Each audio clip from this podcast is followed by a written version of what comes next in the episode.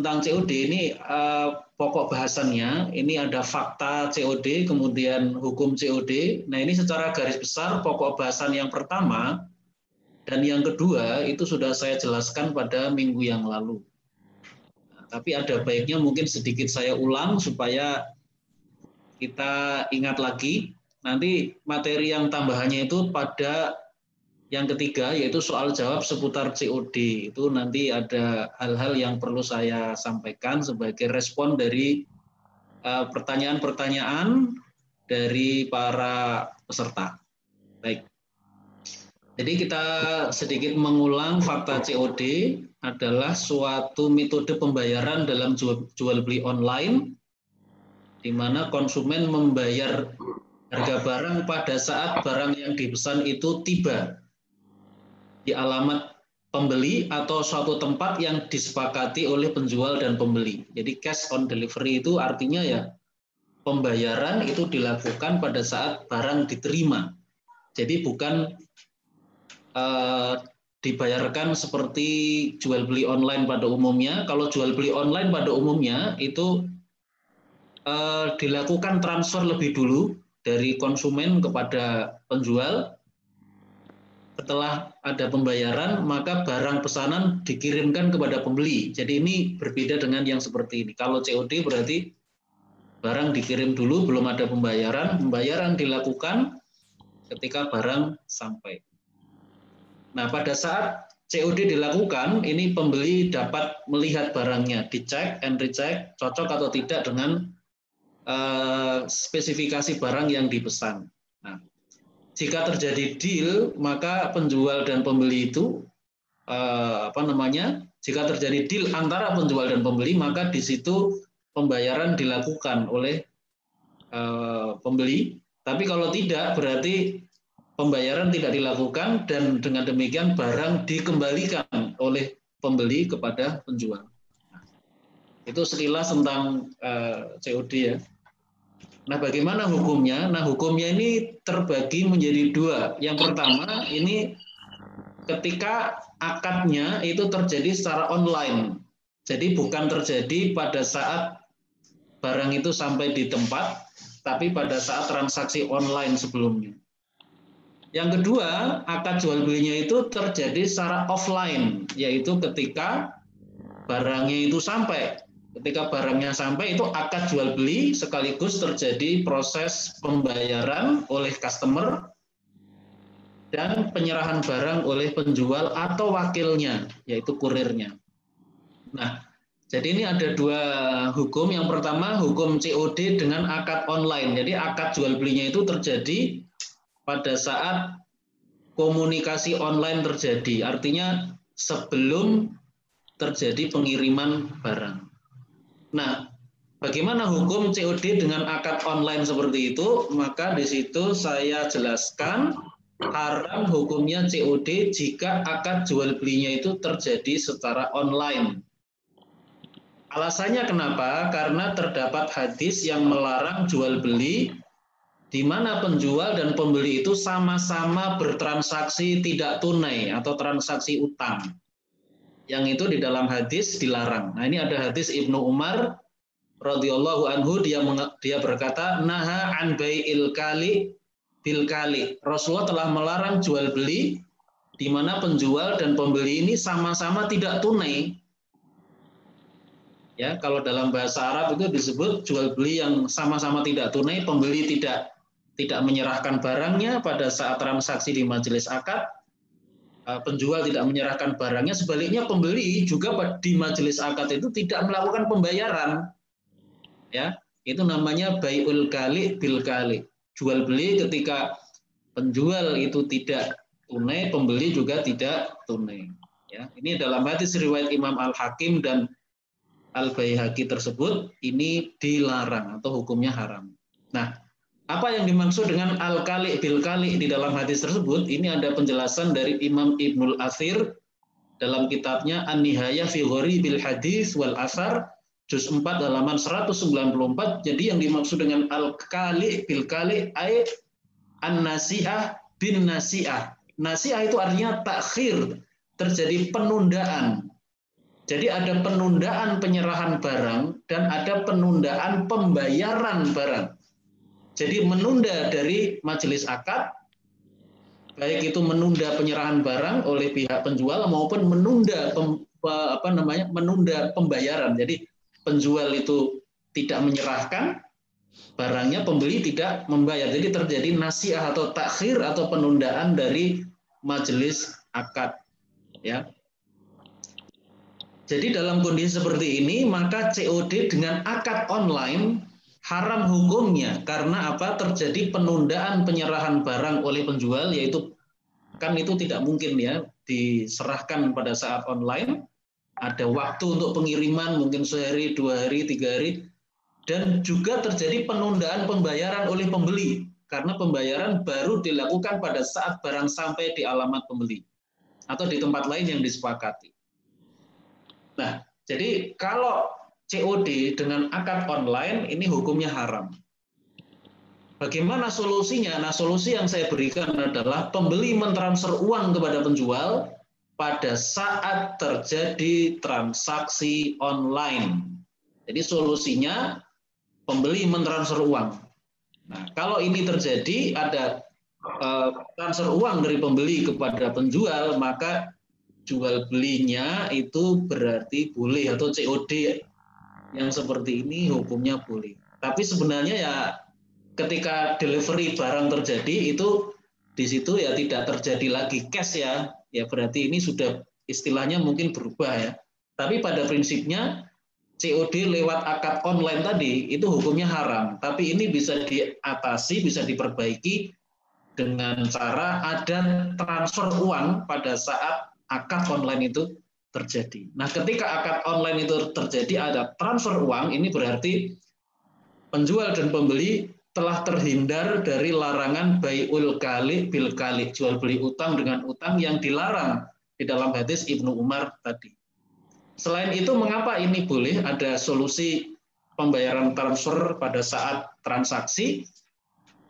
Karena secara syariah memang sah atau boleh jual beli dengan pembayaran di muka ya sedangkan barang dikirim kemudian. Nah, ini uh, solusi yang saya tawarkan.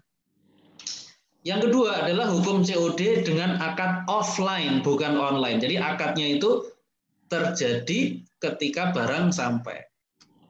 Hukumnya bagaimana? Boleh hukumnya COD jika akad jual belinya itu offline, yaitu terjadinya akad itu adalah ketika penjual atau wakilnya bertemu langsung dengan pembeli dengan dua syarat. Yang pertama, pada saat penjual atau wakilnya bertemu langsung dengan pembeli, itu betul-betul terjadi akad jual beli. Jadi bukan sekedar penjual itu atau wakilnya menyerahkan barang, lalu terjadi pembayaran cash oleh pembeli. Jadi bukan sekedar uh, saling memberikan, tapi terjadi akad. Ya, misalnya ketika penjual atau wakilnya itu uh, sudah bertemu dengan pembeli, penjual mengatakan, Bu, ini atau Pak, ini barang yang dipesan. Ini bagaimana Pak? Ini mau dibeli? Lalu pembeli mengatakan, ya saya beli. Nah, itu contohnya begitu. Jadi tidak langsung begini. Pak, ini barang yang dipesan, ini saya serahkan. Terus nanti yang membeli mengatakan, baik saya terima. Itu berarti hanya serah terima barang. Lalu pembeli mengatakan, ini uangnya. Itu berarti hanya serah terima barang dan pembayaran, tetapi akadnya tidak ada. Nah, jadi syarat yang pertama COD secara offline itu syarat yang pertama itu adalah memang betul-betul terjadi akad jual beli pada saat offline itu bukan sekedar saling menyerahkan, yaitu penjual menyerahkan barang, pembeli bayar menyerahkan duitnya. Ya. Lalu syarat yang kedua adalah pembeli itu wajib diberi khiar atau opsi untuk memilih. Itu memilih untuk apa? Memilih untuk menjual, eh, memilih untuk membeli atau tidak tidak membeli. Jadi andai kata begini, andai kata eh, penjual atau wakilnya itu membawa barang sudah sampai di alamatnya pembeli. Lalu penjual mengatakan, "Pak, ini barangnya yang dipesan." Pembeli mengatakan, "Coba saya lihat dulu barangnya, dicek dulu." Setelah itu dia bilang, wah ini maaf ini barangnya nggak sesuai dengan pesanan, nggak jadi ya mas. Nah itu pihak penjual itu tidak boleh komplain loh, kok nggak jadi beli? Itu wajib dia terima sikap atau pilihan dari pembeli yang tidak jadi membeli. Itu namanya opsi namanya, memberikan opsi. Jadi akad jual belinya itu terjadi pada saat offline dan ini akad jual beli ini adalah opsional sifatnya, bisa memilih membeli bisa tidak. Kenapa demikian? Nah, ini alasannya adalah karena kesepakatan secara online yang terjadi sebelumnya itu tidak dapat dianggap sebagai akad jual beli secara syar'i, melainkan hanya sekedar janji untuk berjual beli yang bersifat tidak mengikat. Dalam bahasa Arab disebut wa'ad ghairu mulzim, yaitu janji tidak mengikat itu artinya apa? Boleh ada pembatalan baik dari pihak pembeli maupun penjual. Nah, maka dari itu karena eh, kesepakatan di online yang terjadi sebelumnya itu adalah janji ya, bukan akadnya tapi janji untuk berakad, maka perlu diberikan hak khiar ya, hak memilih atau opsi kepada pembeli. Agar janji untuk membeli itu tidak bersifat mengikat. Ya. Karena kalau mengikat itu berarti janji mengikat itu berarti akad. Ya dihukumi sama dengan akad. Padahal terjadi utang ketemu utang atau al kali bil kali itu tidak boleh kalau itu dianggap akad. Maka jalan keluarnya ya kesepakatan online itu bukan dianggap akad tetapi wa'ad atau janji tetapi janji yang tidak mengikat artinya ada pilihan mau di, mau dibeli atau tidak dibeli ya oke baik itu materi yang saya jelaskan pada Jumat yang lalu. Nah, setelah itu kan banyak pertanyaan-pertanyaan, maka ini saya himpun, saya tambahkan di sini ada soal jawab seputar hukum COD. Ada beberapa pertanyaan yang menurut saya saya pilih ya dari berbagai pertanyaan itu untuk saya berikan uh, jawabannya. Yang pertama, mengapa kesepakatan secara online tidak tidak dapat dianggap akad jual beli secara syar'i? Mengapa hanya dianggap sekedar janji untuk berjual beli secara tidak mengikat atau wa'ad ghairu mulzim? Jawabannya adalah sebab jika dianggap akad jual beli akan terkena larangan bai'ul kali bil kali. Ya, jadi kalau itu dianggap akad saat transaksi online, jadi akad jual belinya itu bukan saat offline, saat barang diterima, tapi saat komunikasi atau kesepakatan online, maka itu akan timbul masalah. Masalahnya apa? Terjadi atau terkena larangan baiul kali bil kali. Kenapa? Karena penjual dan pembeli sama-sama melakukan transaksi tidak tunai atau utang, yaitu apa? Artinya penjual tidak bisa menyerahkan barangnya di majelis akad ya pada saat transaksi itu Demikian juga pembeli tidak melakukan pembayaran di majelis akad. Ya, itu kalau dianggap akad, maka supaya tidak terkena larangan tadi ya baiul kali fil kali kesepakatan secara online itu tidak dianggap akad jual beli melainkan sekedar janji bahasa Arabnya wa'ad janji apa janji untuk berjual beli nah Janji itu ada rinciannya lagi menurut para ulama. Janji untuk berjual beli atau wa'ad itu ada dua. Pertama, janji yang bersifat mengikat. Bahasa Arabnya adalah wa'ad mulzim, yaitu tidak boleh terjadi pembatalan. Itu nama apa pengertian janji yang bersifat mengikat. Tidak boleh terjadi pembatalan baik oleh penjual atau pembeli. Yang kedua itu janji yang tidak mengikat bahasa Arabnya wa'ad ghairu mulzim. Apa yang dimaksud tidak mengikat? Maksudnya adalah boleh terjadi pembatalan oleh penjual atau pembeli. Nah, ini ada implikasinya masing-masing. Pertama, jika kesepakatan online itu berupa janji yang mengikat atau wa'ad mulzim, maka perlu diketahui janji yang mengikat ini dihukumi sama dengan akad jual beli. Padahal pada saat ak ak akad jual beli itu terjadi penundaan atau tidak tunai dari kedua belah pihak.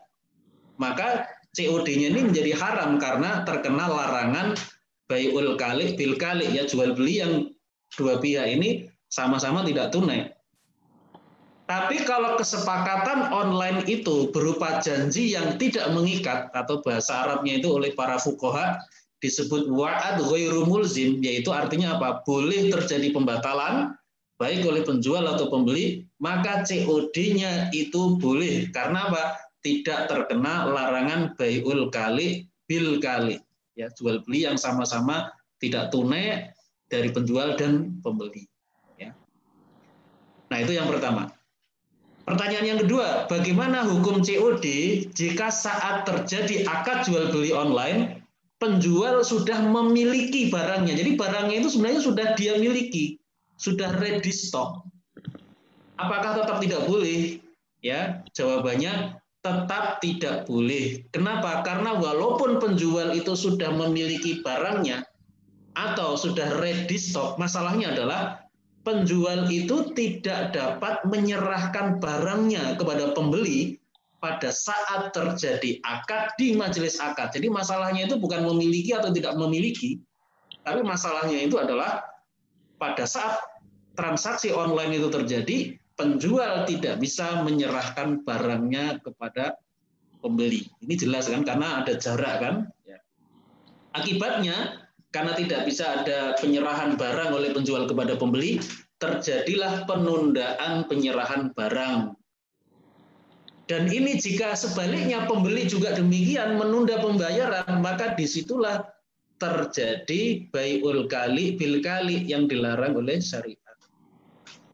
Ya, jadi ini walaupun penjualnya sudah memiliki barangnya, ya, tetapi ketika terjadi akad jual beli itu dia tidak bisa menyerahkan barangnya di majelis akad ini tetap bermasalah dengan kata lain tetap tidak boleh. Baik, ini saya kutipkan uh, rujukan saya. Ini ada rujukan dari Imam Ibnu Qudamah dari kitabnya dalam kitabnya Al-Mughni ya beliau ini mengatakan demikian dalam bahasa Arabnya saya kutipkan wala yajuzu tafarruqu dan tidak boleh tafaruk. Tafaruk itu artinya berpisah an majlisil akad dari majelis akad. Jadi penjual dan pembeli layajus tidak boleh berpisah dari majelis akad qobla qobdil mabi sebelum ada penerimaan barang oleh pembeli au qobdi samanihi atau penerimaan uang oleh penjual. Wahada qaulus syafi'i. Ini adalah pendapat Imam Syafi'i li'annahu bai'un fi zimmah karena ini adalah jual beli dalam tanggungan atau jual beli tidak tunai. Falam yajuz atafarruku, falam yajuzit tafarruku fihi. Ya, maka tidak boleh berpisah penjual dan pembeli dari majelis akad qabla qabdi ahadil iwadho ini. Ya, sebelum ada penerimaan salah satu dari dua harta yang dipertukarkan yaitu uang atau barang kas salam seperti jual beli salam atau pesan. Ya, ini diungkapkan oleh Imam Ibnu Qudamah dalam kitabnya Al-Mughni juz ketiga halaman 497. Jadi ini pendapat yang saya ambil. Jadi ini mendasari pendapat saya tadi bahwa ketika terjadi jual beli tidak tunai, ya, yaitu secara online ini kan berarti pihak penjual ini tidak tidak tunai, dia tidak bisa menyerahkan barangnya. Nah ini kalau dua-duanya ini berpisah dari majelis akad, tidak terjadi penyerahan salah satunya. Kalau barang jelas tidak bisa diserahkan di majelis akad. Berarti kalau salah satunya itu menyerahkan uang atau mentransfer uang itu baru boleh gitu loh maksudnya. Berarti kalau dua-duanya tidak bisa eh, menyerahkan, tidak bisa terjadi penyerahan misalnya yaitu maksudnya penjual dia tidak menyerahkan barang, ya pembeli juga tidak bisa membayar di majelis akad setelah itu berpisah mereka, nah ini berarti tidak boleh tidak sah. Ya, oke.